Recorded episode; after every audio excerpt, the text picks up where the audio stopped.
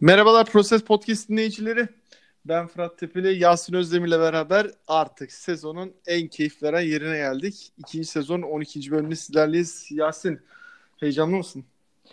Tabii ki. E, açıkçası biraz bizim için keyifsiz bir sezon sonu oldu ama e, playofflar her zaman heyecan verici. Bir Sixers taraftarı e, olarak içinde yer alsak da yer almasak da her zaman heyecanla beklediğimiz bir organizasyon. Kendi başına bir eğlence. Aynen öyle. Şimdi e, çorba içtin, yemeği yedin. İşte salata, cacık, carçurt falan artık böyle biraz da karnında doymuş, keyfi yerinde. İşte yavaştan çaylar falan gelmiş. O sırada artık böyle güzel bir tatlı değil mi?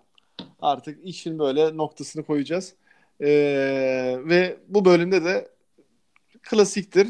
Tek tek e, eşleşmeleri değineceğiz. E, usulen tabii yine ödüllerimizi vereceğiz. E, bir de tabii sezonun bitmesiyle beraber artık e, GM ve koç kovulmaları, efendime söyleyeyim yeni koç atamaları, e, işte o tarzı haberler de gelmeye başladı. E, Üstad e, Sixers Nets'le başlayalım. E, buraya geçerken de şundan da biraz bahsederek geçmek istiyorum. Yani genel bir sıralama açısından. Çünkü hem doğuda katılım yani 7-8 e, hatta 6-7-8'lik katılım e, hem de batıdaki genel sıralama biraz foto finişle belirlendi. Yani orada da e, bizim önceki bölümlerde bahsettiğimiz gibi Brooklyn, Detroit, Miami üçlüsünde e, öncelikle sıralama bozuldu artı Miami bizi bayağı şaşırttı değil mi? Ee, öyle ama biz yine sezonun hani ilerleyen dönemlerinde playoff'la ilgili hani yaptığımız bölümlerde açıkçası Orlando'yu zaten biraz daha öne koymuştuk diye hatırlıyorum ben. Ee, dolayısıyla Brooklyn, hani Detroit, Miami demiştik. Hı hı. Yani orada e, hani bir tek Orlando zorlar diyorduk ki onlar evet. da çok iyi geçirdiler. E, aslında hak ettiler de yani neredeyse yani All-Star arasından sonra ligin en iyi takımlarından bir tanesiydi Orlando. Ne, bütün rakamlara göre de. Bayağı bir formda geçirdiler o dönemi. Dolayısıyla hak ederek e, bir seneler sonra playoff yaptılar. E, Steve Clifford yine e, ortalama bir takımı, zevksiz, eğlencesiz bir takımı yine playoff'a sokmayı başardı. Görev başarılı sonuçlanmıştır bence. Bence de.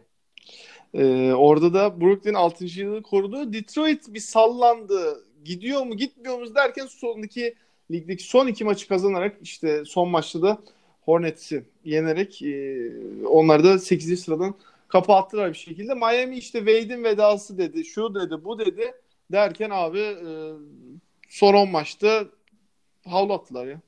Ee, ya evet işte onların artık birazcık daha e, ileriye dönük hamlelerini yapmaları lazım.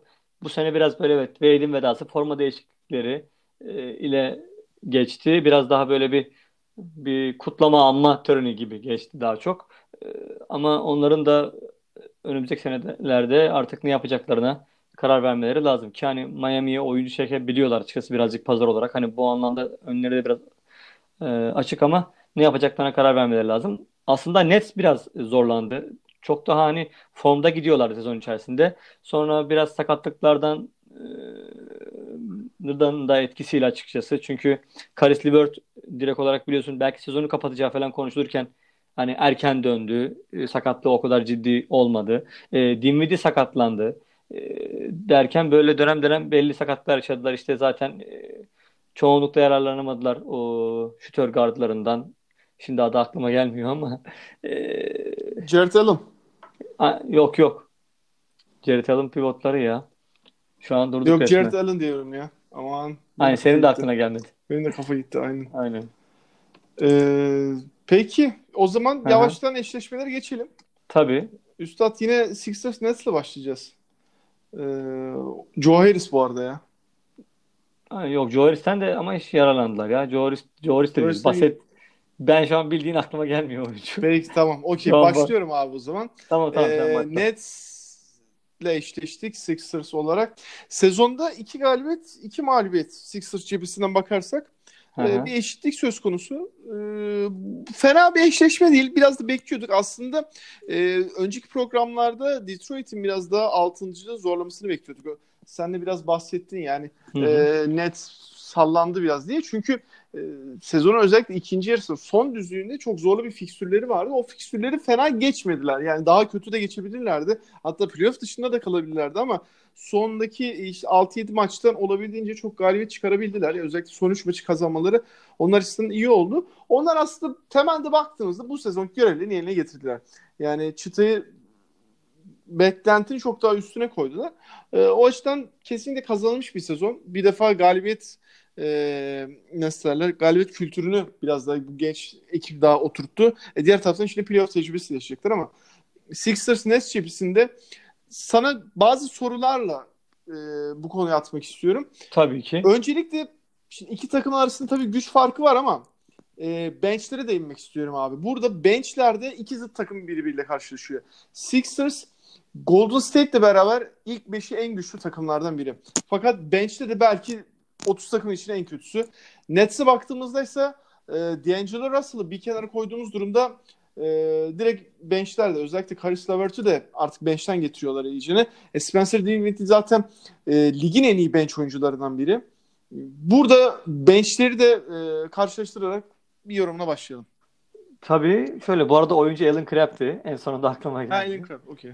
Aynen. O kadar unuttuk yani adamı. o yüzden gündemden bayağı düştü. Şöyle ben e, 6-7-8'deki e, olası rakiplerimizden aslında en çok istediğim takım Nets'ti. Şöyle ki e, Nets görece olarak daha fazla opsiyona sahip bir takım e, olarak gözükmesine rağmen e, biz Detroit ile oynadığımız maçlarda da e, Orlando ile oynadığımız maçlarda da bence daha çok zorlandık. Hani Nets'e daha fazla e, diş geçirebiliyoruz ve ters geliyoruz açıkçası öyle söyleyeyim biraz daha.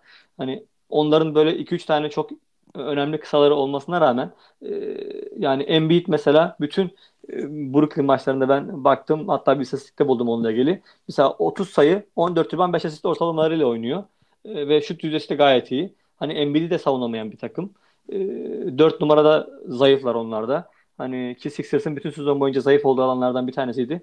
Daha sonra işte Max Cut'la biraz daha orada e, toparlamaya başladık. Toparlamaya başladık. Dolayısıyla hani onların da eksikleri var ve Sixers'ın hani bence Detroit'le ya da Orlando ile eşleşseydi ilk turu daha zor geçecekti. E, o anlamda ben hani sevinçliyim. E, net açısından bakarsan dediğin gibi onlar 3 e, yıldır bir yeniden yapılanmanın içerisindeler ve draft hakların olmayan böyle önümüzdeki 5-10 senesi ipotekli bir takımdan şu an draft haklarına sahip olan ve geleceğe çok daha umutla bakan, düzgün bir kulüp yapısını oturtan, büyük ihtimalle şimdi Rus başkanlarından da tamamen kurtulacaklar. E, iki, ikinci en büyük pay sahibi olan kişi e, hatta Ali Baba'nın kurucularından bir tanesi. O direkt olarak takımında tüm kontrolünü alacak. Dolayısıyla yönetim daha da e, stabil hale gelecek. Ki onlar da şu an Trajan Langdon gibi isimleri falan da düşündüğün zaman NBA'ye artık yönetici e, yetiştirmeye de başladılar. Hani önemli bir organizasyon, önemli bir kulüp. Ha tabii ki New York'un her zaman üvey evladı olarak kalmaya devam edecekler. Ee, yani D'Angelo Russell'ın bu seneki çıkışı büyük ihtimalle ödüllerde de en çok gelişme kaydeden oyuncular arasında da adı geçiyor mesela. Orada da konuşabiliriz onu. Ee, dolayısıyla o açıdan önemli. Ee, Sixers açısından dediğim gibi ben e, avantajlı bir eşleşme olarak görüyorum. Hani ona rağmen yine ben e, Sixers'ın iki maç kaybedeceğini düşünüyorum bu seride. Öyle söyleyeyim. 4-2 Sixers diyorum bu seriye. Sen ne diyorsun bilmiyorum ama. Ee, ya ben de tabii Sixers'ın geçtiğini düşünüyorum ama ben senin kadar e, yani iki maç vereceğimizi düşünmüyorum. Ee, ben de 4-1 düşündüm bu arada. Hani sen söylemişken Hı-hı. ben de kendi tahminimi belirteyim. O bir e, Nets galibiyetini de biraz bench sebebiyle verdim. Ee, diğer taraftan Sixers ligde bir yer hatırlarsın 20-21. sıralardaydı savunma verimliliğinde. Evet. Ee, sonrasında yapılan takaslarla beraber biraz da toparlandı ve ligi de 13. bitirdik. Burada şimdi ben playofflarda şöyle düşünüyorum. Normal sezon gibi değil. Yani burada artık oyuncuların biraz da 40 dakikalar seviyesinde oynadıkları bir e, maç serisi oluyor. Bu sebeple eşleşmelerde abi en iyi oyuncu hangi takımlarsa o takım ben bir adım önde görüyorum. E burada da en iyi oyuncu bu serideki en iyi oyuncu kimdir? Joel Embiid tabii ki. E, Sixers genel olarak zaten oyuncu kalitesini daha ağır basıyor. Evet. Bir galibiyeti neden verdim? Bir dediğim gibi bench farklılığına verdim. İki e, D'Angelo Russell da bu sezon gerçekten büyük seviye atladı ya. Hani ondan dolayı bir maç çalabilir abi. E, ve biz de böyle e, delici, dış şutu da hiç fena olmayan guardlara karşı Hemen örneğini vereyim. Kemba Walker. Bir örnek daha vereyim. Kyrie Irving. Bunlara karşı çok zorlandığımız zamanlar oldu. Ki D'Angelo Russell'ın Sixers'a sezon için çok iyi maçları var. E, bu bağlamda ben bir galibiyet verdim abi oradan. Çünkü e, yani böyle 115 üstü sayı yiyebilecek bir takımız. Playoff'ta elbette Brad Brown'a sordular zaten bu arada bu konuyla ilgili. Hani o da biraz daha e, playoff'larda savunmanın daha hani istek anlamında daha üst seviyede olduğundan dolayı daha toparlanacağını düşünüyor ama ne kadar işte bu bunu göreceğiz yani. Çok güzel bir yere hani getirdin sen konuyu. Ben hani Embiid ile ilgili zaten bir şeyler söylemek istiyordum. Hani serinin en iyi oyuncusu olduğu üzerinden sen konuyu bağlamış oldun Hı-hı. ve savunma üzerinden. E, savunma üzerinden hemen şunu söyleyeyim. E, Brett Brown'un savunma ile ilgili açıklaması şu. Biz yazın gerçekten çok düşündük ve playoff'ta iş yapacak bir savunma düzeni oluşturduk. Yani siz bizim savunmamızı aslında playoff'ta göreceksiniz. Bütün sezon boyunca bunu vurgulamıştı. İşte o dediği şeyi gerçekleştirebilecek mi, gerçekleştiremeyecek mi bunu göreceğiz. Ama e, yani Embiid All-Star arasından sonraki 24 maçın 14'ünü kaçırdı şu anda. Bunu görmemiz lazım. Sakatlığı ile ilgili ben hep endişeleniyorum zaten. Yani Embiid'in sakatlığı bu load management dedikleri dinlendirme dönemleri falan bence hep şüpheli hareketler benim gözümde. Dolayısıyla bu sabahta e, maçtan önce ve sonra yapılan açıklamalarda e, ben ilk defa hani Elton Brand ile Brett Brown'un medya önünde ters düştüklerini gördüm. İşte Elton Brand biraz daha hani ben olumlu, optimistik bakıyorum dedi Embiid'in birinci maçta. Şey, o, pardon o oynayamayabilir dedi. Brett Brown oynayacak demişti ama sonra e, basın toplantısında sürekli soru gelince takım bununla ilgili detaylı açıklama yapacaktır. Ben daha fazla bu konuya girmek istemiyorum falan dedi. Bu Embiid'in sakatlık sürecini bir türlü biz doğru yönetemiyoruz. En azından halkla ilişkiler anlamında. Yani yine sakatlığı var mı yok mu bunu nedir tam olarak sakatlığı? Gerçekten diz sakatlığı mı? E, ne kadar ciddi boyutta bunu bilmiyoruz. Bence hani Sixers'ın gerek sezonunun değerlendirmesinde gerek de gerekse playoff değerlendirmesinde yani sen de dediğin gibi eğer bu takımın en önemli oyuncusu ve serinin en önemli oyuncusu Embiid olacaksa Embiid'in durumu çok kritik. Ee, yani bu açıdan baktığımız zaman ben o kadar bir parlak e, portre çizemiyorum. O yüzden hani iki maç verdim. Embiid'i belki oynatmayabileceğimiz yine bir maç olabilir bu seride. O maçı kaybedebiliriz. E, hatta mesela çok bahsetmedik tabii biz yine bu arada biraz e, uzun bir aradan sonra podcast yaptığımız için Greg Monroe hamlesi oldu. Greg Monroe mesela bu sene Sixers forması giyen 26. oyuncu olmuş ki bu proses döneminden bile fazla takım rekorunu kırmış olduk yine bu anlamda. Yani bu sene e, böyle sezon içerisinde çok önemli iki takas yapıp takımı tamamen yenilediğimiz için neredeyse yani Sixers'ın normal sezonunda bir puan vermek bile çok zor. Daha çok hani bu TBD dedikleri to be determined işte daha sonra karar vereceğimiz bir şey olacak. E, Sixers'ın bu sezonuna puan verme durumumuz. Mesela geçen yıl 52 galibiyet almışız. Bu sene 51 galibiyet almışız. Hani galibiyet anlamında bir sıkıntı yok ama takım kimyası, hedefi, yapısıyla ilgili e, bir sıkıntı var. Ki takım 50 galibiyeti e, üst üste 30 yılda ilk defa aşıyor. Dolayısıyla aslında kulüp tarihinin en formda dönemlerinden birini de yaşıyoruz. Bunu da hesaba katmamız lazım ama dediğim gibi şerh koyacağımız tek şey var. Net serisiyle ilgili Embiid'in sağlık durumu. Onun haricinde başka problem yok. Ee, ya haklısın. Orada toplan basın toplantısını ben de izledim. E, e, Elton Brand ilk dediğin gibi optimistik diyor. Hı. Sonra işte ilk maç oynayacak mı oynamayacak mı ya oynamama ihtimali de var. E, ra getiriyor. Ama şöyle de düşünüyorum. Diyelim ki tüm seri boyunca oynamadı. Ee, yani bu arada tabii dediğin doğru yani açıklamalar diz sakatlığından bahsediyor ama e, gerçekten ne olduğunu bilmiyoruz ama oynamasa bile e, 4-2 en fazla 4-2 abi. En fazla yani. Hı-hı. Çünkü e, Greg Monroe bu arada eklemesini ben beğendim açıkçası. Hiç fena değil. Yani 10 üzerinden 7 falan veririm o eklemeyi. Çünkü abi Nisan'a gelmişiz artık. Bu dakikadan sonra kimi ekleyeceksin yani? Hani ondan dolayı biraz da gerçekçi olmak lazım. Diğer taraftan Boba'nın da özellikle e, savunmada ağır düşmesi yani Greg Monroe'dan da tabii çok büyük bir savunma almayacağız ama e, en azından Boban'a göre daha hızlı hareketli oyuncu. E, özellikle hızlı oynayan takımlara karşı bakınız net. E, Boban'ın daha iyi performans verebilir uzun rotasyonda. Ki bench'ten gelecek her sayı abi hani laf var ya altın değerinde değil. Gerçekten öyle. E, hele ki mesela James Ennis gibi e, bir oyuncunun da sakat olacağını düşünürsek e, belli bir dönem. Yani kanatta da e, biraz sıkıntı yaşadık ki Zaire Smith falan son maçlarda oynamaya başladı biliyorsun. Onu da belki değiniriz. Ama yani orada e, Zaire Topa- Smith şeyde oynamaz ya. Playoff'ta süre alacağını düşünmüyorum. Belki net serisinde hani e, erken kopan maçlar olursa Hı hı. sakatlık olmasın diye falan şey yaparlar ama e, açıkçası bütün şeyi e, bench'i e, bir Mike Scott, iki TJ McCollum biraz da işte Boban götürüyor yani. Hı hı.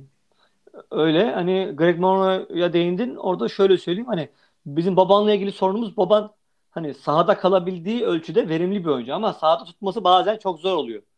Dolayısıyla hani eşleşmeye bağlı olarak bazen çok zarar veren bir oyuncuya da dönüşebiliyor. Dolayısıyla burada en azından Greg Monroe'yla vasat bir e, kötülük olacak. Yani böyle rezalet bir kötülük değil de en azından çekilebilir bir seviyede olacak o kötülük öyle söyleyeyim. E, yani o kadar Boban kadar aksatmayacak takımı o anlamda. E, yani o da inşallah biraz daha performans sergiler de kariyerini e, tutundurur NBA'de öyle söyleyeyim. En azından öyle bir şans olur. İşte burada Jimmy Butler'ın e, hep savunmasından bahsediyoruz tabii ki takıma vermesi gereken ama bence normal sezonda o katkıyı vermedi. Belli maçların belli dakikaları haricinde. E, dolayısıyla playoff'ta biraz daha kendini e, vererek oynayacaktır. Daha konsantre olacaktır. Ben e, burada Jimmy Butler'dan da çok çok daha iyi bir performans bekliyorum. Harris bence Sixers'ta üçlük anlamında çok düştü son maçlarda. Onunla ilgili de rakam da bulmuştum ben. Clippers'ta %40'ın üzerinde tabii ki atıyordu. Sixers'ta %32 ile attı. Yani ilk birkaç maç haricinde Harris aslında biraz bence düştü. Ee, onun da biraz silkinip kendine gelmesi lazım. Ee, şöyle ekleyeyim Tobias Harris'le ilgili. Bence ilk birkaç maç değil yine bir 5-6 maç iyi gidiyordu ama son belki inan 6-7 maçtır haklısın hücumda sürünüyor. Çok verimsiz, düşük yüz, şut yüzdesi zaten e, daha önceki programlarda da değinmiştik. Yani e, hücumdayken top onun eline de fazla da değmediği dönemler de oluyor. Yani bazen böyle bir 3 dakika 5 dakika abi Tobias'ı unutuyoruz. Ya abi bu adam Embiid'den sonra en iyi hücumcu senin ya. Kafadan senin bir defa topu dolaştırırken onun, ona da bir defa eline değmesi lazım yani. Kesinlikle. Ee, hatta yani yer yer şeye göre Embiid'e göre bile tabii ki Embiid genel ofans anlamında daha iyi ama izolasyonda hani dış iç oynayabilmesi anlamında e, takımın en iyisi. Yani Embiid'in dış şutuna tam güvenemezsin ama tabii ki içeride mükemmel bitirici. Yani overall anlamda bir şey demiyorum. O, orası nokta ama e, Tobias ve Jimmy Butler çok haklısın. Biraz daha şey olması lazım. Burada hani e, şeyi de konuşalım bu arada. Serinin key matchup'ını. Yani kritik eşleşmesini konuşalım. E, bence abi Ben Simmons'la D'Angelo Russell eşleşmesi yani. Yani aslında olabilir. Diğerlerine göre karşılaştırınca olabilir evet. Ki burada da şöyle bir ekleme yaparak sana vereyim konuyu. Ee, maç içinde birebir çok fazla da eşleşmiyor olabilirler. Ee, belki Jimmy Butler'ı da tutturtabilir abi. Ya ben yine Ben Simmons'la savunacağımızı düşünüyorum ama e, Ben Simmons'ı D'Angelo Russell savunmaz. Yani Tabii. orada öyle bir fark olur. Hı hı. Ee, göreceğiz. Göreceğiz. Yani orada da e, ilk maç cumartesi. Sadece iki gün var. E, biz bu kaydı perşembe günü giriyoruz. E, sadece iki gün var. Bakalım yani ilk başlayan playoff'lara Sixers Nets maçıyla başlıyor. Biliyorsun Doğu'nun üçüncü bitireniyle başlıyor. E, ben 4-1 diyorum. Sen 4-2 diyorsun. Doğrudur değil mi? Evet doğrudur. Tamam notlarımızı aldık. Ses kaydımızı yaptık. Seri bitiminde tekrardan değerlendireceğiz. Peki. E, Üstad o zaman lidere geçelim ya. Bucks Pistons e, sezonun içinde 4 maçında 4'ünde Bucks aldı. Bucks zaten mükemmel bir e, galibiyet yüzdesiyle bitirdi. E, MVP yılın koçu konularına Bucks'a değineceğiz tabii ki. Bucks Pistons ben hadi baştan tahminimi söyleyeyim. Ben Pistons'a bir maç bile vermedim ya. Ben de vermedim. Bu benim hatta 4-0 yazdığım tek seri bu. Evet. Tek seri direkt olarak. Benim 4-0 dediğim tek seri bu. Ee, Valla benim öyle değil. Yani konular geldikçe görüşeceğiz. Aynen. Ba- Sen Or- Orlando'ya da herhalde verdin direkt. E, Raptors'a 4-0 demiş olabilirsin. Yani diyorsun ki iki sezon boyunca tabii podcast yapınca artık benim tahminlerimi tahmin edebiliyorsun. Yani evet. Peki evet oraya da öyle vermiştim. Doğrudur. Burada e, Bucks'ta herhangi bir önemli sakatlık yok. E, bir minut için bir sakatlığı var. O da herhalde playoff'a yetişecek gibi duruyor şu aşamada. E, fakat sezon sonunu bir şekilde getirdi Pistons. Biraz Reggie Jackson'ın düşüşü var orada. E, özellikle sondaki bir 5 maçı almadığımız dönemde ama bir Mart ayını iyi geçirdi Reggie Jackson. Biliyorsun Black Griffin'le e, Andre Drummond da orada zaten performans arttırmışlardı. Üçünü sırtına bindi ve Pistons bir şekilde gelmişti. Daha yüksekte bitirilebilirlerdi. Hatta biz de konuşmuştuk ya Sixers'la eşleşebilirler gibilerinde. Fakat 8. lik 8. liktir. En nihayetinde Pistons için bir playoff deneyimi olacak. Ama 4-0 muhtemelen çok da bir şey konuşmaya değmez değil mi? E, haklısın. Yani orada da Reggie Jackson'ın bence yükselmesi haber diye yani yükselmesi haber değeri içeren bir şey. Onun düşmesi zaten haber değerine yazık ki içermiyor. evet, öyle bir durum var. Ee, yani Pistons hani hani diyorsun ya işte en iyi oyuncu en iyi oyuncu serideki hani Black Griffin faktörü o anlamda bizim için e, daha sıkıntılı olurdu. Çünkü Nets'te mesela Black Griffin gibi net bir star var mı sence? Tabii ki yok. Yok yok şey açısından tamamen Hı-hı. haklısın. Yani Hı-hı. Black Griffin sana tek maç aldırabilir abi. Öyle Aynen. tehlikeli bir adam ve atıyorum o aldığı maçta Wells Fargo Center'da olursa abi bir anda işin şekli değişebilir doğal olarak. Dolayısıyla hani e, o anlamda ben Pistons'tan kaçınılmasını Sixers anlamında hani olumlu görüyorum. E, Bucks bu seriyi 4-0 ama güle oynaya geçecektir. Yani orada sadece işte Brogdon'un olmaması senin de hani çok bahsediyorsun hani Brogdon'un bu takım için öneminden. E, dolayısıyla o bütün playoff'lar zaten onları biraz etkileyecek ama e, onların hani onu bu seride kompanse edecek oyuncuları var açıkçası. Çok zorlanmayacakları bir seri olacaktır. Ee, peki o zaman e, playoff'ların mükemmel takımı Toronto Raptors'a gelelim. Orlando Magic son maçlarda bahsettiğiniz gibi yani orada yardırarak geldi abi ve 2-7'den e, Raptors'la eşleşti. Sezon içi maçları 2-2. E, burada da Raptors'ta tabii kulüp kültürü olarak özellikle geçmiş yıllarda yani Raptors'ı playoff'larda konuşacağımız zaman buna elbette değinmemiz lazım. Yani LeBron'la sürekli kaybetmek işte playoff'larda ilk turda, finalde vesaire kaybetmek. Yani çok iyi bir sezon içi takımı ama evet playoff'larda böyle bir durumları var. İşte burada Kawhi ve Marc Gasol eklemeleri kritik rol oynuyor. Kawhi zaten abi hiçbir şey yapamadık. Abi kurban olayım gel bizi kurtar diye bir el freni adeta. Onu çekip arabayı kazadan kurtarabiliyorsunuz. Marc Gasol zaten hem İspanya milli takımında hem kulüp kültüründe bir winner kültürü olan bir oyuncu bence mükemmel eklemeler ve ilk turda çok sıkıntı yaşamazlar ya. Yaşamayacaklar. Hatta şöyle söyleyeyim ben. E, Mark Gasol takası o e, All-Star dönemindeki o takas deadline'ındaki takaslardan bence takıma en böyle uyum sağlayan en e, nokta atışı takas oldu. E, takıma direkt olarak mesela şu an baktığım zaman Tobias Harris'ten bile daha fazla bence e, o, Toronto'ya katkı sağladı yani Sixers'ın e, katkısına göre bence. E, çok on numara bir transfer oldu onlar açısından. E, ki onların o ilk beşi beraber oynadıkları çok nadir maçlarda işte o da e, ligde böyle hani rakamlara baktığımız zaman bayağı bir fark atıyorlar ilk beş anlamında. Yani ligin en iyi ilk beşlerinden bir tanesi oldular. Hani e, sen podcast'in başında gene Golden State ve Sixers'ın ilk beşlerinden bahsetmiştin. Aslında bu Toronto'nun ilk beşi de gayet iyi bir beş rakamsal olarak. Ee, Burada değineceğim benim başka bir nokta var. Hem Bucks'ı da konuştuk. Şimdi Toronto'yu da konuştuk. Sixers'ı da zaten hep podcast'ın ana konusu olduğu için değinmiş oluyoruz. Bu üç takım için de e, yani Bucks'ı gerçi dışarıda bırakalım. Buraya Boston'ı katalım. Bu üç takım için bu playoff'lar çok önemli. Şu anlamda çok önemli.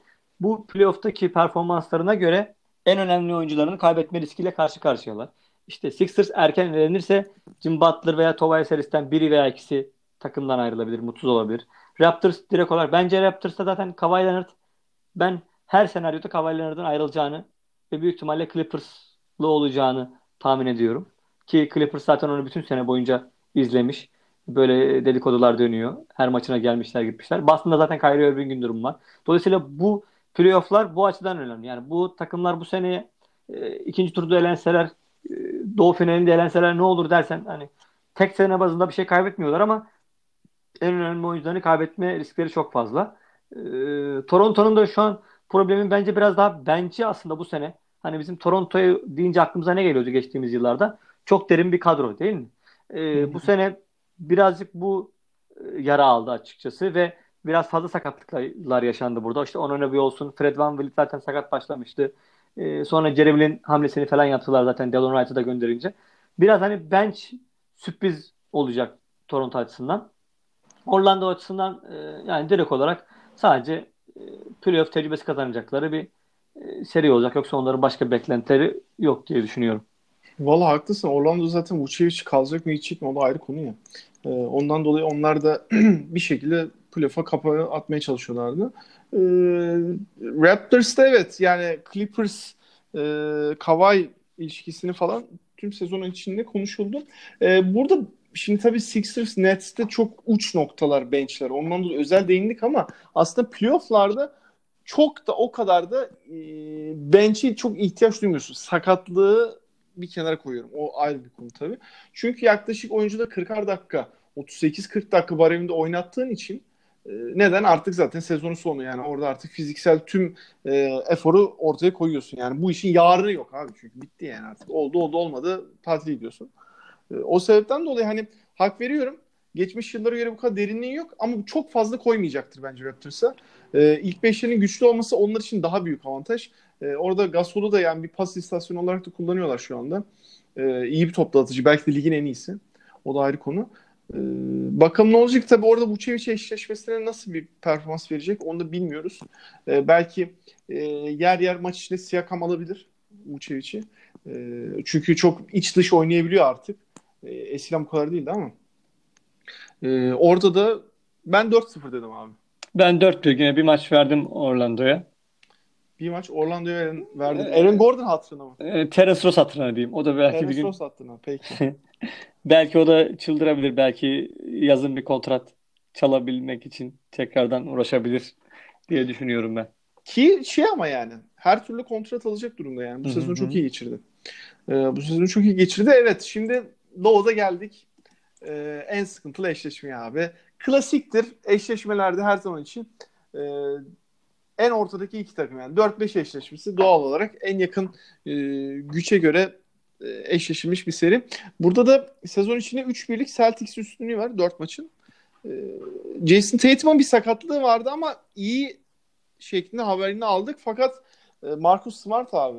Evet o 4-6 hafta zannedersem hmm, olmayacak. Ve çok büyük kayıp abi.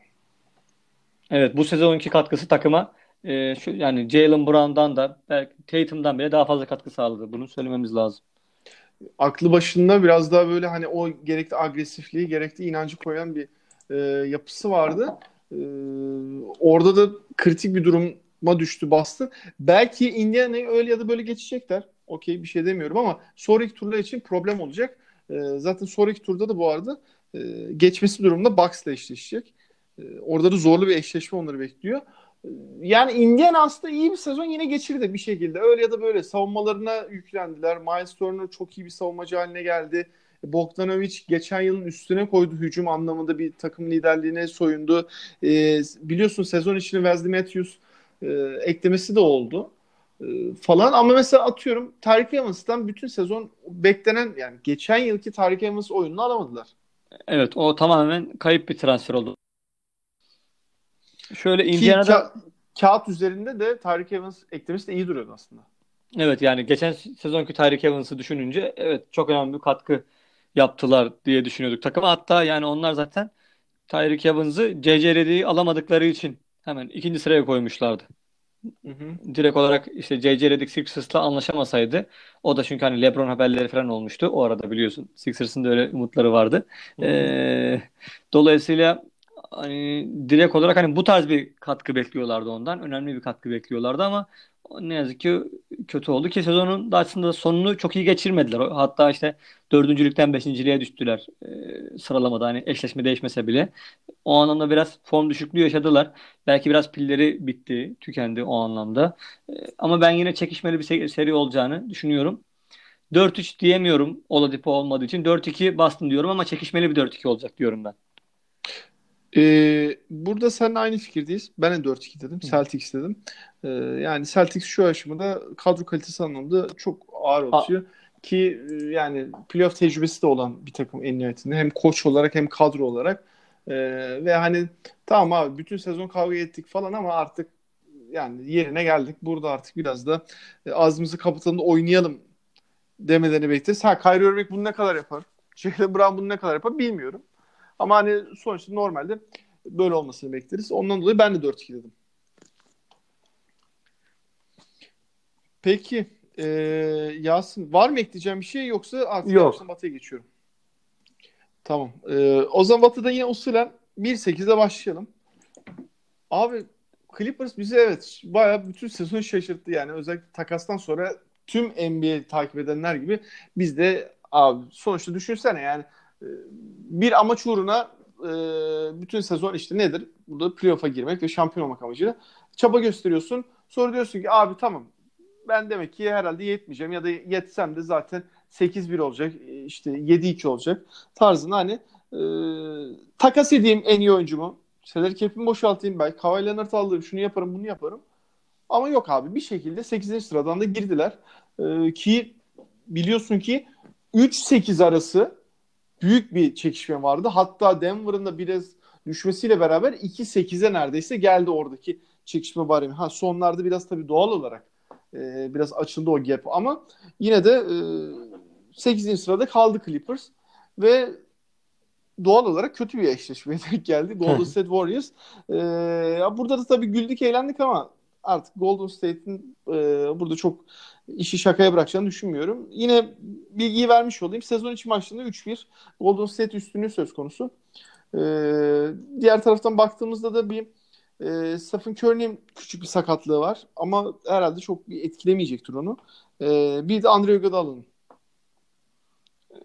Ee, şöyle ben bu seriyle ilgili yine Lou Williams ve Harrell ikilisinin bir maç alacağını düşünüyorum açıkçası. Öyle söyleyeyim. Hı. Lou Williams ile Harrell bir maç çıldırıp böyle e, Demarcus Cousins'ı böyle e, tamamen kontrol dışı e, hale getirip ve onun kimyasını bozup bir maç alabilirler ki zaten Clippers'ın tek şansı e, Warriors'ın Cousins'ı çok oynatması ve onun kimyasını bozarak ancak bir şey yapabilirler. Belki üstüne Patrick Beverley'i falan salabilirler. E, öyle bir kavga da bekliyorum açıkçası ben. E, onun haricinde tabii Clippers'ın başka bir şansı yok. Onların zaten de, de, senin de dediğin gibi hedefleri bambaşkaydı. Ama bir şekilde rekabetçi kalmayı başardılar. Evladımız Lander Shamet de çok iyi oynuyor. Bir NBA oyuncusu olduğunu bence artık ispatladı. Uzun seneler NBA'den ekmek yiyecektir kendisi. Ee, Clippers'ın şöyle bir özelliği var. Hani Warriors, Bucks ve Raptors'tan sonra en iyi deplasman derecesine sahip takım. Ee, ama orada hani Kevin Durant'i zaten durdurmaları mümkün değil ama kimle savunacaklar dersen bu bile soru işareti bence takımda. Hani e, Gallinari ile mi savunacaklar? Böyle bir e, şeye girecekler mi? Ya da Gilgeous Alexander falan mı üstüne verecekler? Böyle biraz daha farklı bir kısa oyuncuyla onu savunmayı deneyecekler? E, burası benim, benim açımdan hani serinin ilginç bir e, taktik savaşı olacak. E, onun haricinde Durant'in takımıyla son playoff'unu yaşayacağını ben düşünüyorum. E, bu Houston'ın dörde düşmesi ve Portland'ın senin sevmediğin Portland'ın normal sezon takımı dediğimiz Portland'ın 3. sırayı bir şekilde yine almasıyla e, şöyle bir dezavantaj oldu. Hani belki Batı finalinde göreceğimiz Warriors ve Houston eşleşmesi yarı finalde gerçekleşmiş olacak. Bu da ayrı bir nokta. Ya şimdi sevmedim Portland Portland deyip benim Portland'ların önüne atma şimdi durduk yere de. ee, evet doğru diyorsun yani. Orada da öyle bir durum oluştu. Bu arada yani ben senin kadar iyimser göremiyorum. Ee, şey açısından, Clippers açısından. Ee, yani Durant'in ilk turu olabileceği hızlı bir şekilde geçip yani işi bitireceğini düşünüyorum. Ben buraya 4-0 yazdım kafadan. Hı. Çünkü Lou Williams güldük, eğlendik tamam. Ödüllerde konuşacağız zaten. O da ayrı konu. Ee, ama abi yok yani Durant'ı tutacak adamları yok. Yani Montrezl Harrell'ı belki verip hani biraz şey dövüşsünler, kavga etsinler. Olabildiğince Durant'ı yıpratsın diyebilir ama yani Gilgeous Alexander falan abi yok kısa kalıyor zaten. Hı hı. Ee, ki kendi pozisyonu için çok az uzun bir oyuncu olmasına rağmen kısa kalıyor. Hani ondan dolayı çok Durant'ı savunabileceklerini düşünmüyorum.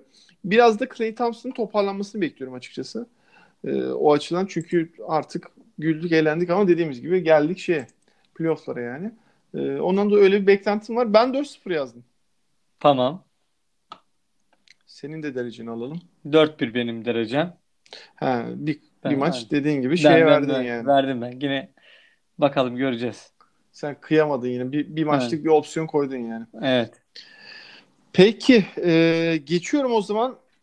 Denver bir ara zorladı Golden State'i birinciliği almayla ilgili. E, ki sezonun belli bir kısmını birinci götürüyorlardı. O da ayrı konu. E, fakat kimle eşleşecekleri bir türlü bel- belli değildi. Çünkü 7. sırayı e, Utah, Clippers, Oklahoma ve San Antonio döndü dolaştı. Döndü dolaştı. Piyango San Antonio'ya vurdu. Ki bence Denver için çok kötü bir eşleşme oldu. Yani orada mesela Clippers gelebilirdi. Ki kadro olarak daha kaliteli olmasına rağmen hani coaching de belki o kadar değil diye Utah ben belki yine tercih edebilirdim yani. E, fakat Greg Popovich ne yaptı ne etti ki hatırla ben kendi öz eleştirimi yapmıştım. Ben sezon başında playoff'lara kalacağını düşünmüyordum. Ben Lakers'ı yazmıştım mesela buraya. E, Lakers kalamadı. E, zaten ona en sona değineceğiz. Orada da bir yine bir olaylar var yani. E, fakat San Antonio bir şekilde kaldı. Bu kadar demode oyuna rağmen. E, 48 galibiyet, 34 mağlubiyet. İyi de bir derece. E, kaldılar. Burada ne düşünüyorsun? Bu biraz da e, benzer kuvvetlerin eşleşmesi herhalde değil mi? Ee, şöyle ben açıkçası tahmin yürütmekte en zorlandığım eşleşme bu oldu. Ee, senin dediğin gibi Spurs ve Popovich gitti ve üst sıralardan istediği takımı seçti. Direkt olarak seçtiler yani. Ee, o anlamda tecrübelerini kullanacaklar. Ee, ama ben açıkçası yine Denver'ın geçeceğini seriyi düşünüyorum. Öyle de istiyorum belki de iç, içten içe bilmiyorum. Ee, bir basketbol sever olarak. Ee, yani Spurs'la ilgili benim değineceğim şöyle ilginç bir istatistik gördüm. Hani Aldridge ve DeRozan ikilisi oyundayken ligin 17. savunma takımı oluyor e, bu takım. Ama onlar bench'teyken birinci sıraya çıkıyorlar. E, çok garip bir istatistik geldi bana. E, onların zaten Aldridge ve DeRozan'lı ilk beşiyle e, diğer o şütörlerden oluşan ikinci beşleri işte Bertans'ların falan sürüklediği beş tamamen farklı oyunlar oynayan yani iki farklı bir takım gibi aslında Spurs. Greg Popovich aynı e, anda iki farklı takımı yönetiyor gibi oynatıyor. İşte Aldridge, DeRozan da o senin dediğin gibi o eski kafa orta mesafeci, durağan oyunu oynatıyor ama daha sonra daha bizim gözümüze hoş gelen e, bench oyuncularından kurulu bir ikinci beşi var. Onu kullanıyor. E, Denver'ın tabii ki dezavantajı hep de hani söylediğimiz gibi standart tecrübesiz olması. Ama ben yine de Denver'ın geçeceğini düşünüyorum bu seriyi. Valla haklısın. Burada biraz eşleşme şeye dönmüştüm yani. Tecrübe mi yetenek mi yani? Kadro kalitesi olarak baktığında Denver tabii çok ağır basıyor. Ki belki ligin en kadro derinliği yüksek takımı. Hani orada da çok rahatlar yani. yani temelde baktığında oynatmadıkları adam Isaiah Thomas. Isaiah Thomas bugün sana çok rahat playoff'ta bir tane maç çalabilir yani. Çok rahat yani. Ee, hani öyle bir durum var. Ee, ama San Antonio abi bahsettiğin gibi hem oyuncuları koç zaten belki number one diyebilirsin. Ama e, oyuncular da playoff tecrübesi anlamında hiç fena değiller. Aklı selim yani o kültür zaten belli bir seviyeye getiriyor onları. Ee, burada da zordu. 4-3 Denver diyorum abi.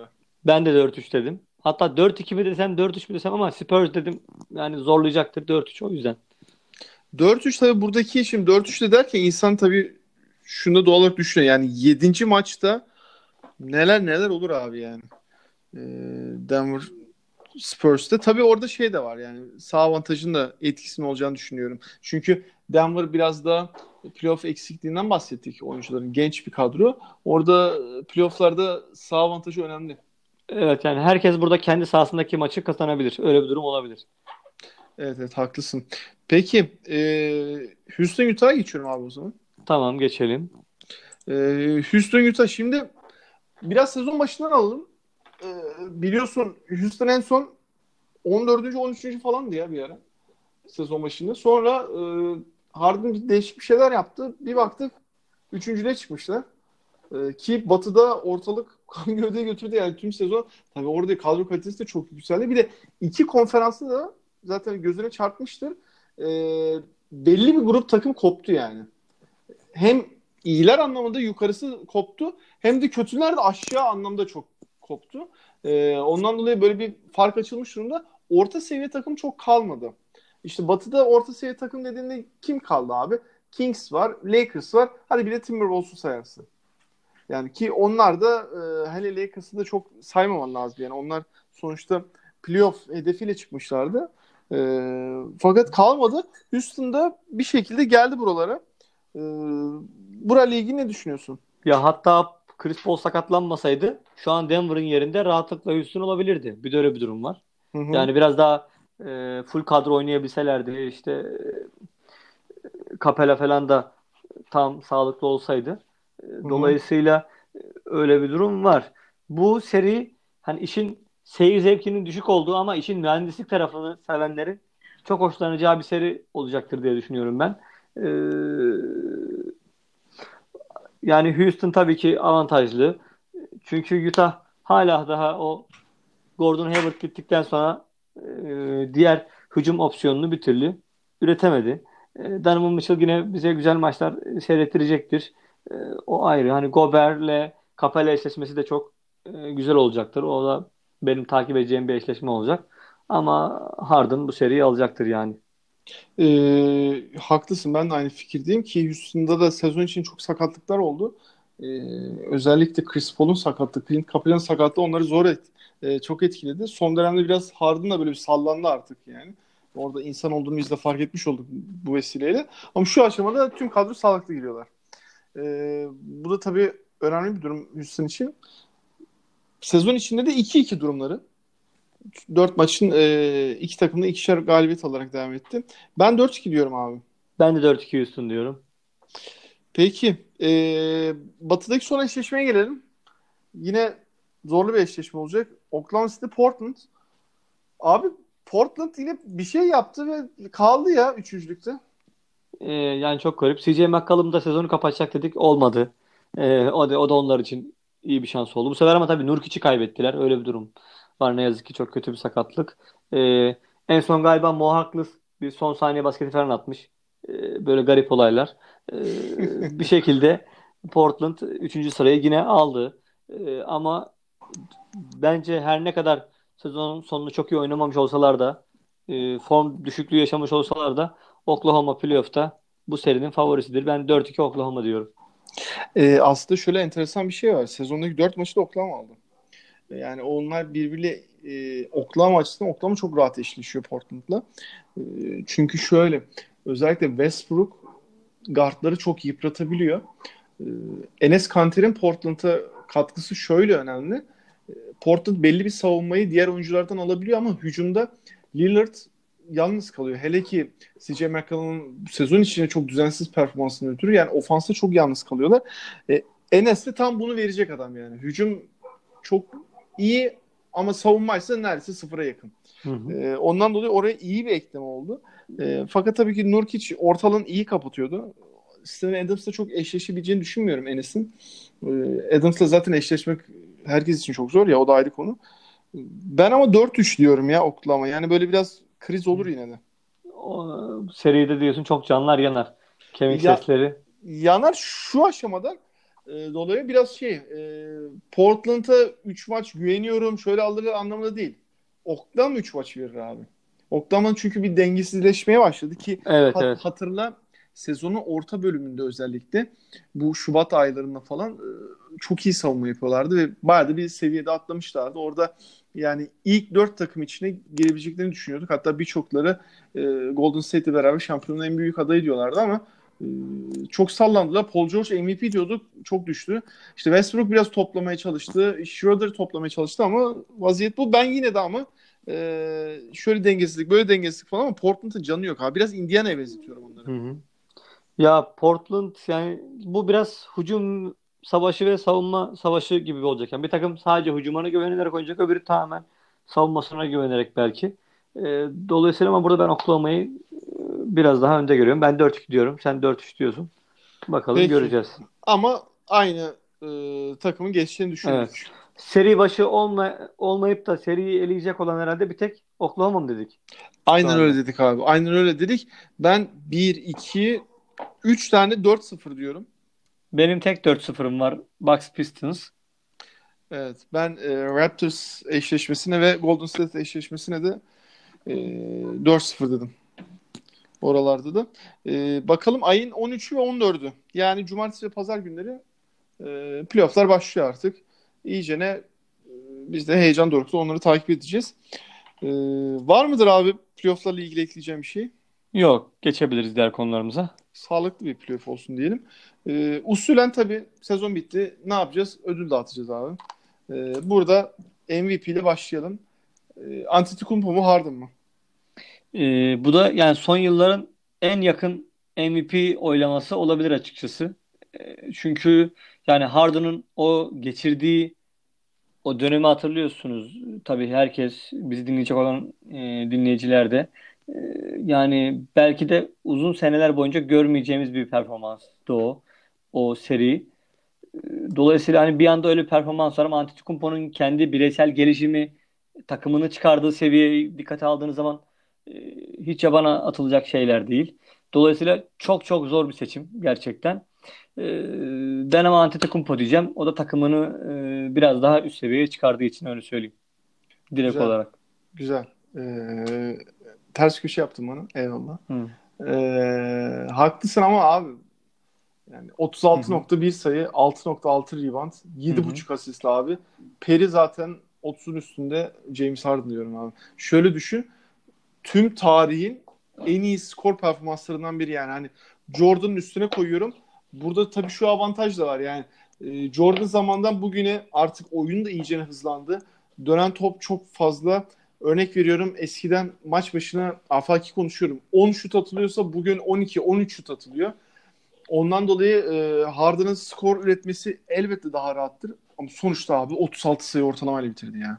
Yani hesap etsene adam mesela 33-34 sayı atıyor bir maçta. Diyorsun ki hani herhangi bir oyuncu yapsa ay çok iyi ya falan. Adam ne kadar iyi maç çıkarmış. Adamın ortalaması düşüyor aslında. Ki Harden aslında savunma açısından bazen çok gereksiz eleştiriyor bazı insanlar. Yani e, belli eksikleri tabii ki var. E, hücum odaklı çok fazla oynadığı için ama işin savunma kısmında da mesela post-up savunmasında bir defa fizikli bir guard olduğu için ve Hı çok güçlü de bir oyuncu aslında. E, post-up savunmasında yani o kısalarla birebir eşleşmesinde falan e, gayet iyi performans da gösteriyor. Bunu da göz ardı etmemek lazım. Yani bu kesinlikle Harden'ı e, hani ben göz ardı etmiyorum dediğim gibi zaten çok önemli bir performanstı ama sadece hani Antetokounmpo'yu kendi takımına atlattığı seviye açısından değerlendirdiğimde onun önüne attım. Atlattığı sevme açısından bakarsak abi e, Chris Paul'un sezon başı sakatlığına rağmen e, tutup da takımı 14. 13.lükten alıp işte e, ilk dörde sokmasından dolayı ben yine Harden'a veririm abi. Haklısın o, o da o kısımda çok değerli.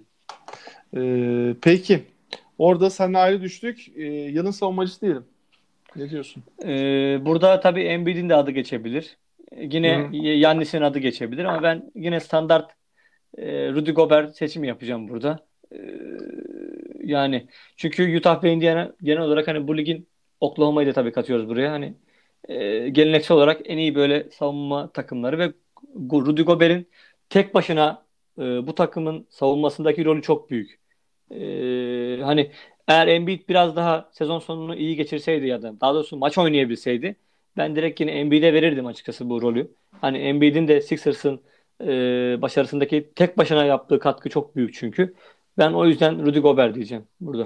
Ya haklısın. Biraz zaten iş döndü. Yılın savunmacısında Gobert 6. adımda da malum şahsa verilen bir ödüle döndü ama Embiid konusunda hak veriyorum. Bir tek şurada çok hak veremiyorum. Ee, Embiid'in iyi savunma performansı verdiği dönemde abi Philadelphia ligin 20-23 arası en iyi savunma takımıydı. Yani aslında kötü bir savunma takımıydı. Evet, Ve- yani Sixers zaten sezon boyunca kötü bir savunma takımı oldu. Bu haklısın. Ee, ama bireysel bazda bakınca hak veriyorum sana. Yine de bir savunmacıdan takımı da belli bir savunma standartını çıkarmasını beklersin. Gobert bunu yapabiliyor. Ee, özellikle Houston gibi onlar da sezonu çok kötü başlamışlardı. Hatırla geçen playoff'ları, geçen yılın playoff'larını çok iyi atlatmaları rağmen işte Donovan Mitchell kötü başladı. Ee, Gobert zaten zayıf başlamıştı. Takım genel olarak zayıf başlamıştı. Sonra Korver eklemeleri vesaire falan oldu hatırlarsın. Ee, ama orada yine nasıl çıktılar temelde? Hücumla değil abi savunmayla çıktılar. Ve e, yavaş yavaş yavaş yavaş yavaş yavaş e, üst sıraları tırmanırken orada Gobert de formda tuttu. Orta alanı zaten iyi kapatıyor. E, yani bir de artık gitgide potadan uzaklaşıyor oyun. Yani bugün artık 6 metreden 7 metreden şutlar sokuluyor. E abi bu kadar o, uzaklaşıyorken uzunların savunma değeri de azalıyor. Zaten hücum değeri azalmış durumda. Çünkü kısalar topu yönlendiriyor abi. Ama savunmanın değeri de azalıyor. Ona rağmen Gobert belli bir standardı tuttu. Gayet güzel yani. Ee, zaten bu oyundaki uzunların rolü artık hep tartışılan bir şey yani. Senelerdir tartışılıyor ama artık hatta en iyi oyuncunuz, pivotunuzsa hani belli bir yere kadar çıkabilirsiniz eleştirisi geliyor takımlara ki yani Sixers da bu eleştiriden Embiid sebebiyle e, kendi payına düşeni alıyor. E, dolayısıyla ama Rudy Gobert gibi hani görece oyunu tek boyutuyla oynayan bir oyuncunun takımına bu e, ölçekli bir katkı sağlaması açısından baktığımızda e, bu ödülü hak ediyor. Onun haricinde burada e, Paul George'u da düşünebilirdik. Onu da e, bence yazmamız lazım adaylar arasına. E, Miles Turner diyorum abi. O da var. E, bakalım ama biz Gobert'e verdik tabii. Evet. E, Çaylak. Çaylak ben Luka diyeceğim. Luka abi yani güldük eğlendik hani evet sonunda Trae Young işte Hı. bize karşı maçta kazandı dedi ne güzel falan ama abi tüm sezon hep belli bir standardı korudu. Artı Trae Young'ın performans arttırdığı All-Star sonrasında temelde baktığımızda istatistikleri kontrol edersek Luka da performans arttırıyor. Ha Aynı- Trae Young biraz ayarsız arttırdı doğru ama yine de Luka'da e, yani düşüş göstermiyor. Aynı şeyi ben de okudum. Ee, şöyle sen hatta benden daha çok bir. Hı hı. Hani ikimizin Trae Young hayranlığını karşılaştırırsak sen çok daha fazla Hı hı. benden beğeniyorsun. Ee, beni şaşırtan hani Trae Young'la ilgili e, pasörlüğü bu zaten bu kesin böyle. Hani şut olarak o kadar iyi bir oyuncu değil. Hani en azından Steph Curry yakıştırmalarını hak edecek seviyede değil şu anda. Ee, çok iyi bir All-Star sonrası dönem geçirdi. Sixers'a karşı çok iyi maçlar oynadı. Ee, Burada Lloyd Pierce da tabii eski antrenörümüz olması sebebiyle e, bize karşı hep iyi önlemler aldı. E, hani Embiid'i falan çok iyi savundular çoğu maçta. Çok rahatsız ettiler. E, hani yine çaylak ödülüne dönersek Trae Young çok formda bitirdi ama e, Luka Doncic aslında çok düşmedi. Belli e, dönemleri sayabiliriz tabii ki ama genel olarak çok iyi bir e, çaylak yılı geçirdi. Başka bir yıl olsa Trae Young kesin alırdı bu ödülü. Ama karşında Luka Doncic var. O yüzden Doncic bu ödülü alacak yani. Ee, haklısın. Doğru diyorsun ki şöyle söyleyeyim. Trae Young'la ilgili şimdi üniversite zamanını hatırla kolejde takımı da çok şey zayıftı yani. Ee, adeta 1'e 5 hücum ediyordu. Ondan dolayı insanlar pasörlüğünü onun o kadar fark edemedi yani. Çünkü takım arkadaşları çok düşük olduğundan dolayı bunu biraz şeye benzetiyorum ya. Al Jefferson'ın e, şeyi de öyleydi abi. Üniversite zamanı. Onun istatistiklerine bakarsa e, dinleyenler böyle 40 sayı üstü işte e, 10 üstü hatta 20 üstü mü ne? Yani 22 mi ne rebound ortalaması falan vardı. 41 sayı 22 rebound falan ne öyle bir şeydi böyle saçma istatistikleri Evet vardı. evet haklısın. Çünkü şey ya takımda kimse yoktu. Ee, işte yaklaşık bir 5'in üzerinde blok ortalaması falan vardı. Ee, tabii ki Trae Young o seviyede değil. Hani yine de hani e, bu kadar e, absürt bir rakamlar tutturmadı ama yine de e, takımda tek hücumu yönlendiren olduğu için e, çok fazla insanlar dediğin gibi onun pas yeteneğini çok fark etmediler ama iyi bir oyun kurucu. E, Atlanta'da orada iyi bir çekirdek kurdu. Fakat yani Luka Doncic aldı yani. E, altıncı adam. Şöyle ben hemen ekleme yapayım bu Trae Young'ın kolej kariyeriyle ilgili. Bu aslında Ben Simmons'la ilgili de aynı şey oldu. Ben Simmons da e, Louisiana State gibi e, zayıf bir takımda oynadığı için mesela biz şu an Ben Simmons'ın e, savunmasını çok hani genel olarak beğeniyoruz değil mi? Ve hani hücumuna göre bizim için savunmasıyla değerli bir oyuncu aslında. İlk etapta baktığınız zaman. Mesela ona kolej seviyesinde e, ki maçlarına bakarak ya Ben Simmons savunma yapmıyor falan gibi eleştiriler vardı. Hatta savunmasıyla ilgili soru işaretleri vardı. Yani o işte o kolej senesini dolu geçirmek, biraz boş geçirmekle, o seneyi çok dikkate almakla e, alakalı bir durum. Dediğim gibi Trae Young da zayıf bir kolej takımında yer aldığı için e, orada hücumda çok fazla sorumluluk almak zorunda kaldı ve oyununun belli kısımlarını gösteremedi. Altıncı adamla ilgili e, o ödüle adının verilmesi gereken adam olarak bir espri yapmıştık. Lou Williams. Bence başka bir açıklamaya gerek yok. Bu sene Ee, gayet iyi bir sene, sene geçirdi o anlamda. Haklısın. O da e, yine sezon çok aslında iyi başlamamıştı. Yani orada e, Sabonis'i, işte Montrezl Harrell'ın isimleri geçiyordu. E, ama abi sezonu çok iyi bitirdi ve açık olalım bu tarz ödüllerde sizin Ocak ayında yaptığınız performansla Nisan aynı değil abi. Nisan her zaman için doğal olarak insan psikolojisi gereği daha değerli oluyor. Çünkü daha yakın tarihli, daha göz önünde bulundurulabiliyor. Ben de Lou Williams düşünüyorum ya. Ee, aynen. Aynı zamanda işte dediğin gibi takım arkadaşı Harrell, Terence Ross'u belki katabiliriz. Sezon başında çok çok daha adı anılan Sabonis'i burada e, söyleyebiliriz. Genel olarak adaylar bunlar ama biz Lou Williams dedik. Sabonis de çok düştü orada. Ee, biraz onunla paralel bir ödüle geçelim yine. Ee, MIP yani Most Improved, Improved Player. player. Ee, orada da mesela Montrezl Harrell'ın ismini yine sayarsın. D'Angelo Russell'ı sayarsın. Sabonis'i keza sayarsın. Yani sezon sonu düştü ama e, abi burada Toronto'da bir zenci bir çocuk var. Çok enteresan işler Evet. yaptı ya. Ee, öyle bizim hatta favorimiz Karis LeVert'ti ikimizin de biliyorsun. Ee, ama Evet. sezon başında sakatlanınca dolayısıyla o formdan düştü. Hı hı. Siakam bütün sezon boyunca hani bu ödülü çok hak etti. Ee, ve hani D'Angelo Russell da biraz Trae Young gibi. Sezonun sonuna doğru açıldı ve daha fazla e, böyle direkt olarak yükselen bir ivmeyle geldi ama tüm sezonki performansa baktığın zaman bu ödülün e, hakkını e, Pascal Siakam e, aldı yani. Ya bu arada 6. adımı şimdi MIP'ye geçtik ama 6. adımla ilgili aklıma şey geldi sen anlatıyorken konu şeye geldi de şu sezon başında hani tahminlerimizde bulmuştuk ben 6. adımı C.J. Redick demiştim. Çünkü o zamanlar tabii Sixers'te e, bench'ten o geliyordu. E, o günden bugüne de neler geçmiş yani. Ya evet. E, hemen konuyu topluyorum geri. E, haklısın ama Siakam'ın şöyle bir durumu da var. E, tüm sezon dediğin gibi hep üst seviyede oynadı. E, oradaki şeyi de gelişimi de daha güzeldi. Bir de günümüz basketbolunda da tam bir prototip abi. Bak skor yapabiliyor mu? Yapıyor. Rebound yapabiliyor. Asist çok iyi bir pasitasyonu olabilir. Savunma tam bir lockdown defense.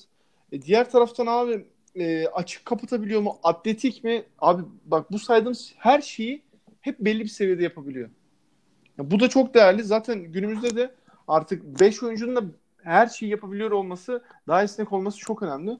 Ee, Siakam orada çok enteresan bir role büründü. İyi de altına kalktı yani. Aklıma şu an geldi. Tam olarak ne kadar karşılıyor bilmiyorum ama biraz sanki o Phoenix Suns'ın Nehri dönemindeki Sean Marion gibi biraz böyle bahsettin. Sanki bana öyle geldi. Haklısın ama e, tabii Sean Marion oyun kuramıyordu. Evet yani ondan çok daha e, gelişmiş versiyonu bu. Onun öyle söyleyeyim. Driblingi daha şey iyi. Aynen. Oyun kurabiliyor. Ama haklısın yani. Hücum var, savunma var. Ee, benzer roller. O, rol olarak Ben- benzer. Oyuncu tipleri benzer olmasa da. Tabii işte hızlı hücumda bitirici falan falan. Ee, peki buraya kadar e, MVP dışında benzer fikirlerle geldik. Ee, yılın koçu. Burada ne düşünüyorsun? Daha önce de yine benzer dönemlerde e, konuşmuştuk bunu da e, ara ara. E, Budenholzer diyeceğim ben ya. Doug Rivers, e, Kenny Atkinson, Nate McMillan ve Mike Malone'un hakkını teslim ederek Budenholzer diyorum ben. Ee, sıralama çok belli etmese de ben de Popovic'in de hakkını teslim etmek istiyorum. Ama ben de Budenholzer diyorum. Özellikle takımın geçen yıldan bu yıla e, dönüşen oyun stili de yani sadece e, galibiyet oranının artmasından bahsetmiyorum. Yani takımın açlığı var zaten. Normal sezona bu kadar asılmaları ondan dolayı anlayabilirsiniz. Ama oyun stilinin bu kadar farklılaşması, işte Antetokounmpo'nun 5 oynaması ve 4 dışarıda oynamaları gerçekten çok enteresan bir kafa. Ee, ben de de orada Mike Budenholzer diyorum. E, şöyle işte bir takımın Jason Kidd'den Budenholzer'a geçtiği zaman neye evrilebildiğini e, görüyoruz. Biz aynısını Mark Jackson'dan Steve Kerr'e evrilmesinde Golden State'in görmüştük. E, bilmiyorum bu sene de belki Sixers ikinci turda Toronto'ya karşı elenirse aynı değişimi Brett Brown ve gelecek antrenörde görebilir miyiz? Şu an bir spekülasyon yaptım ama Evet yaptın. Orada böyle çok 4-0, 4-1 gibi bir eleme olmazsa ben çok Brett Brown'u bırakacağını düşünmüyorum. e, kendisi çünkü e, takım sahibini falan biraz etkiledi, bağladı mı düşünüyorsun ama e, takım sahibi sezon içerisinde biraz konuşmuştu bu e, bir toplantıda bununla ilgili. E, hani eğer erken evlenirsek bizim için hani sıkıntılı günler e, olur. Hiç güzel olmaz. Çok problemli bir süreç olur demişti. Bakalım tabii Sixers'ın durumu da tekrardan Sixers'a döndüğümüzde yine konuşuruz. O anlamda bizi yine önemli bir yaz bekliyor. Ee, haklısın. Şimdi e, başka bir ekleme yoksa artık e, bölümün başına bahsettiğim bu sezonun bitmesiyle beraber artık GM'lerin, koçların e, kovulup yeniden atanması konusunda da bir üstten bir değinelim. Bu bölüm bayağı ritimli yaptık. Konuşacağımız çok da konu da vardı. Ee, abi şimdi aslında ben e, yayına hazırlanırken e, sana şeyden de bahsetmek istiyordum. Yani hani tüm sezon için en enteresan e, aklına kalan olaylar nedir diye. E, Magic Johnson bize böyle bir olay yaşattı gerçekten ya. Ve tam da sezon biterken. Aslında son birkaç hafta böyle çok dramalı geçti. Ee, biz yine podcast yapmadığımız döneme denk geldiği için Ginobili'nin emekliliği, Dwayne Wade'in zaten emekliliği, Dirk Nowitzki hüngür hüngür ağlamış gece. E, yani dolayısıyla böyle çocukluk kahramanlarımızın biraz emekliliğine e, şahit oluyoruz şu anda bizim için. E, belki yeni jenerasyon arkadaşlar o kadar e, bu oyuncuların kariyerlerinin başlangıçlarını bilmiyorlar ama biz yaş itibariyle o dönemleri biraz daha görebildik. Dolayısıyla bizim için de özel günler bir anlamda. E, belki de bizim de artık yaşlandığımızın göstergeleri olabilir tabii. E, dolayısıyla böyle çok duygusal dönemlerden geçerken bir anda yani Magic Johnson ki ben çok eleştiriyordum. Lakers'ın bu durumunu zaten tamamen yönetim hatası olarak. LeBron'un yanına Lance Stephenson'ları e, doldurursanız adamlar ne yapmasını bekliyorsunuz şeklinde. Direkt olarak hani zaten ben bunun yönetim problemi olduğunu söylüyordum. Magic Johnson da e, yani görevi o kadar isteksizmiş ki neredeyse böyle bir rezalet istifa açıklaması olamaz. İlişkilerim çok iyi dediği takım sahibine böyle bir terbiyesizlik bence yapılmamalıydı. E, resmen çok e, ne hangi açıdan bakarsanız bakın çok yanlış e, bir hareket yaptı. Bütün sene e, Luke Walton'un altını oydu. E, ondan sonra ben onu kovmak istemedim. Yani benden duymasın diye e, Bas ailesi e, kendimi yakıyorum gibi şeyler söyledi ama işte Woj'dan da öğrendiğimiz kadarıyla zaten pek takım başkanlığı görevini de yerine getirmiyor. Scout tiplere karışmıyormuş. E, fazla ofiste vakit geçirmiyormuş. Tabii ki hani o da GM'ini seçmiş. Yani Rob Pelinka bu işleri yapabilir ama takım başkanlığı da önemli bir pozisyon sonuçta. Yani Jerry West'in e, bir danışman olarak bile Clippers'ta neler yaptığını görüyoruz şu anda. E, Valla haklısın. Orada tabii yani e, D'Angelo Russell, Julius Randle'ın da sezon içinde iyi performans vermeleri ve e, hani Magic Johnson'ın da hani bu kadroyu çizgi çekip yeni sıfırdan başlarken o çizgi çektiğin arka tarafta kalan adamların da böyle performans vermesi yani sezon içinde yaptığın takas Ivaka Zubak takası bile bu elinde patlamışken tabii o da biraz kötü gösterdi. Burada tabii şey de var abi. Paul George'u bu kadar isteyip alamaman. Evet. Anthony Davis kepazeliği diyeceğim yani bu kadar. Çünkü abi zaten Lakers bildiğim medyanın dibi orada iyicene yani hani böyle bir kepazeliğe sebep oluyorsun. Yani Anthony ee, Davis'e dokudan yandı. Anthony Davis hem Pelicans GM'i Deldems'i yedi hem Magic Johnson'ı yedi. Yedi yedi. Daha o kimleri yiyecekti? Dur bakalım şimdi. ee, diğer taraftan e, draft seçimin Lanza Ball ki yeni sıra çok iyi bir draft sırası. E, şu anda baktığında onun üstünde Darren Fox'u verseler almaz mısın? Ee, vallahi üstüne bir şey daha veririm. Darren Fox alırım gerekirse. Aynen öyle. E, Tatum'un durumu ortada. Ee, Hatta falan. Ingram'ı, Ingram'ı falan da veririm ya. Verin diyorum Faxi derim. Bana yeter. Garanti. Net. Ki Ingram'ın hani belli bir seviyede bir oyuncu ama abi artık tavanı da belli gibi yani. Hani daha fazla üstüne koyamıyor gibi bir durum. Ee, ha şu anki e, seviyesi kötü mü değil ama hani tutup da seni şampiyon yapmaz. Ee, orada da öyle bir durum var. Yani kötü bir yönetimde. Burada hani klasik şey anketleri falan geliyor. Sixers forumlarında işte Twitter'larında. Ee, Colangelo mu daha iyiydi, Magic Johnson mı? Çok zor soru. ee, ee, yani, ama sadece ve sadece LeBron transferini düşünürsen Magic Johnson'a bir artı vermek lazım ama Magic Johnson'ın da şöyle söyleyeyim. Yani LeBron'u transfer eden bir yönetici demek biraz zor. Yani LeBron aslında sizi seçiyor. Yönetici sadece ona uygun ortamı sağlıyor gibi bir şey. Yani orada yöneticinin çok bir fonksiyonu da yok. Yani LeBron hangi takıma giderse gitsin. Yani ben bugün şu an e, Atlanta'da oynamak istiyorum derse Atlanta yönetimi ona gerekli atmosferi sağlamakla yükümlü gibi bir şey neredeyse şu anda. E, tabii yani e, ligin en iyi oyuncusun ve öyle dersin öyle olur yani. Ona çok diyecek bir şey yok. Ama evet yani dip toplamda baktığında sonuçta LeBron'u getirdi yani. Yani o mu getirdi diye bir soruyla hani işi e, kurcalamak var ki kesinlikle hak veriyorum sana yani. Direkt Los Angeles'a geldi adam yani. Adam paraya geldi. O ayrı konu. Kesinlikle onun tercihine de saygı duyuyorum. Ama abi sonuçta takımınla imzaladım imzaladı. Bitti. Ee, Aynen. Ondan dolayı ben de Magic Johnson derdim burada. Ee, e diğer taraftan abi bakıyorsun e, Sacramento Kings yani aman iyi bir şey olur. Yani, e, aman hani e, belli bir pozitifliğe ulaşırız. Geleceğe umutla bakarız. Haydi çocuklar işte e, birkaç iyi eklemeyle e, birkaç oyuncu değişikliğiyle şuyla buyla falan e, belli bir seviye buluruz. Çünkü yani temelde baktığında playoff'u son anda kaçırdılar. Ve hiç de beklenmeyen bir durumdu.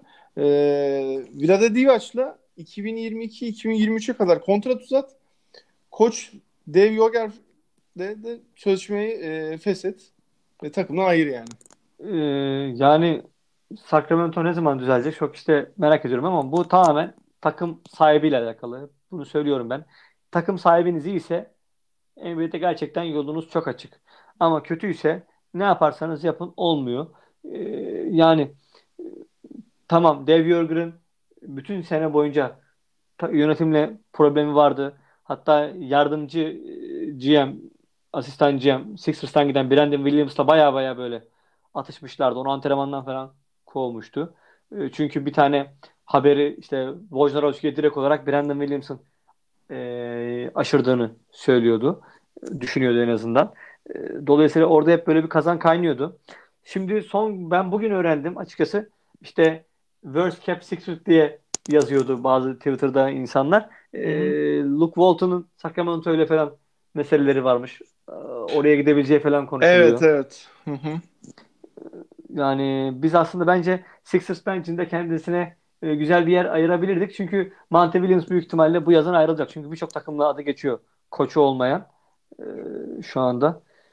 Dolayısıyla Sixers'ın bence zaten e, değişecek ki savunma koçumuz işte Billy Lang de gitti. Bunu da belki konuşmamız lazım. O da proses döneminin önemli figürlerinden biriydi. Çok önde olmasa da e, isim bazında. O da St. Joseph Üniversitesi ile direkt yerel üniversiteyle e, anlaştı. Oranın head coach'u oldu. Hatta Brett Brown imza törenine, tanıtım toplantısına falan da katıldı. Ve biz direkt olarak e, sezon sonuna kadar işte e, Jim O'Brien'i tekrardan e, ana takıma getirmiş olduk bench e, antrenör olarak. E, dolayısıyla böyle çok garip bir anda kucağımızda bir kriz bulduk yani Sacramento ile ilgili. Ki yoktan yere yani. Ortada da hiçbir şey yoktu. Ee, orada da bilmiyorum artık. Luke Walton bu arada çok kötü seçim olur. Ona da bir şey diyemedim ama özellikle yani Lakers'a da şimdi iyice reputasyonu düşürerek geliyor. Ee, ama tabii temelde baktığında kadro çok genç yani. Kadroda bir şey yani geleceğe negatif bakacak, pesimist bakacak bir durum yok. Ee, orada da bakalım neler olacak. Ee, bir de iyi bir haber var. Yani bu genel dünya için, işte basketbol camiası için, Amerika Birleşik Devletleri için Ernie Grunfeld e, görevinden ayrıldı. Hatta Evet. kovdular diyelim. Daha e, düz bir ifadeyle. E, yıllarca yani emekliliğine artık herhalde 3-5 sene kalmıştı değil mi? Ya ben bilmiyorum hmm, nasıl oldu böyle bir şey ama yani bence takım sahibiyle ilgili elinde bilgiler falan olması lazım. Bir başarısız adamın bu kadar uzun süre görevde kalabilmesi için. E, Yani senelerdir bu kadar mı vasatlığa oynar? Elindeki hiçbir çekirdeği e, değerlendiremez. Üst üste üst üste kötü kontratlar verir ama hala senelerdir görevdeydi. Bence e, yani Washington camiası bu sene en pozitif hamleyi şu son dönemde yaptı. Bir küçük sorun var. Washington eğer ki Charlotte Bobcats gibi sezonu bitirseydi yani nedir? E, 9. 10. sırada yani playoff'u ucu ucuna kaçırsaydı sence bu ham- hamle olur muydu? Olmazdı büyük ihtimalle. Yani her şerde değil mi? Bir hayır var. Aynen öyle. Ee, bu tarzda haberler de muhtemelen daha da sıklaşacak sezon bitmesiyle beraber doğal olarak. Ee, işte playofflardan elenen takımlarla beraber falan. Ee, peki. Hatta hatta yine bugün oldu. O da Phoenix'te Jeff Bower işte başkan yardımcısı e, oldu. Direkt olarak Hı. James Jones artık hani e, geçici GM'likten sıyrılarak asıl GM'liğe devam edecek. Orada bir Jeff Bower hamlesi geldi Phoenix'te de. O da NBA'in en kötü e, takımına sahip. E, dolayısıyla orada da bir türlü e, düzen oturmadı. James Dolan zaten New York'ta başlı başına bir felaket. Bunlar adı çıkan ve haklı olarak çıkan camialar bu anlamda. Ee, yani New York işte belli bir yola girdi yine öyle de böyle de. Ee, bakalım olacak yani yoksa Kings ve e, tabii şey Suns'ta aslında iyi esetler de var ama nasıl kullandığınla alakalı. Haklısın kesinlikle. Tabii orası da öyle. Ee, var mıdır ekleyeceğim bir şey? Yok. Tamam. Bayağı tempolu bir yayın oldu. Ee, playofflar başlıyor. Heyecanlıyız. Ee, yani en azından ben çok heyecanlıyım. Çünkü artık böyle e, öldük bittik takımları konuşmayacağız. Bu arada abi tüm sezon boyunca e, yani böyle kötü takımları konuşmayalım bilmem ne falan muhabbeti yapmışız. Hep aynı örneği veriyorduk. Ya tutup da şimdi Orlando mu konuşacağız falan dedik. Bunlar adamlar playoff yaptı ya. Evet, diye diye, diye playoff yaptırdık. Bir Atlanta'yı böyle fazla konuşmadık herhalde bu sene. Biraz Trae Young özelinde konuştuk. Onun haricinde çok değinmedik. Yok yok. Ee, Ee, Atlanta'yı biraz daha konuşsaydık o da yapacaktı playoff zaten yani. Aynen. Sixers'ın ye- yendiler. Baya baya bizim sayemizde yendiler yani adamlar. Ee, şöyle sezon sonu zaten bizim açımızdan çok sıkıcı geçti bence. Ben biraz hani taraftar olarak biraz koptum öyle söyleyeyim. Ee, yani Embiid'in olmaması, işte bir maç Jimmy Butler yok, bir maç e, işte James Ennis gitti, Maxi Kat sakatlandı. Böyle kötü bir döneme denk geldi o anlamda. Çok iyi, iyi bir sezon sonu geçirmedik. Ee, umarım zevkli playoff izleriz. Ee, haklısın yani. Sonunda özellikle risk almamak için oyuncuları da oynatmamaya karar. Özellikle son maçta Ben Simmons'ın oynamama sebebi hani maçta yazıyor ya abi. Hani diş doktoruna görünmesi gerekiyormuş. Yani bunu da ilk defa gördüm. Ee, Yok o haber aslında şöyle söyleyeyim onu Sixers'ın muhabiri Serena Will- Winters yazmıştı. hı hı. O bir- birkaç maç önce bildiğin dişi kırılmış onun.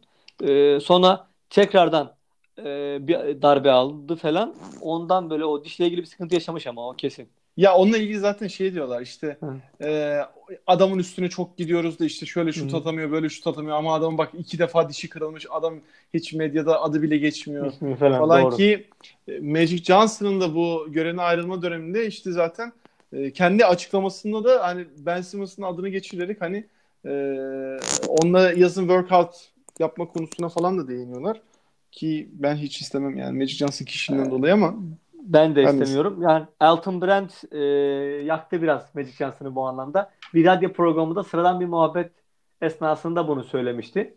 En azından ben sıradan bir muhabbet olmasını umut ederim. Hani bilerek böyle bir açıklama yapacağını sanmıyorum Elton Brand'ın ki sonra arayıp özür dilemişti Magic Johnson'ı. Hani işte Ben Simmons'la çalışmak istediler. İşte bunu da biraz o tampering kurallarına, oyuncuların aklını çelme kurallarına falan e, bağlamıştı.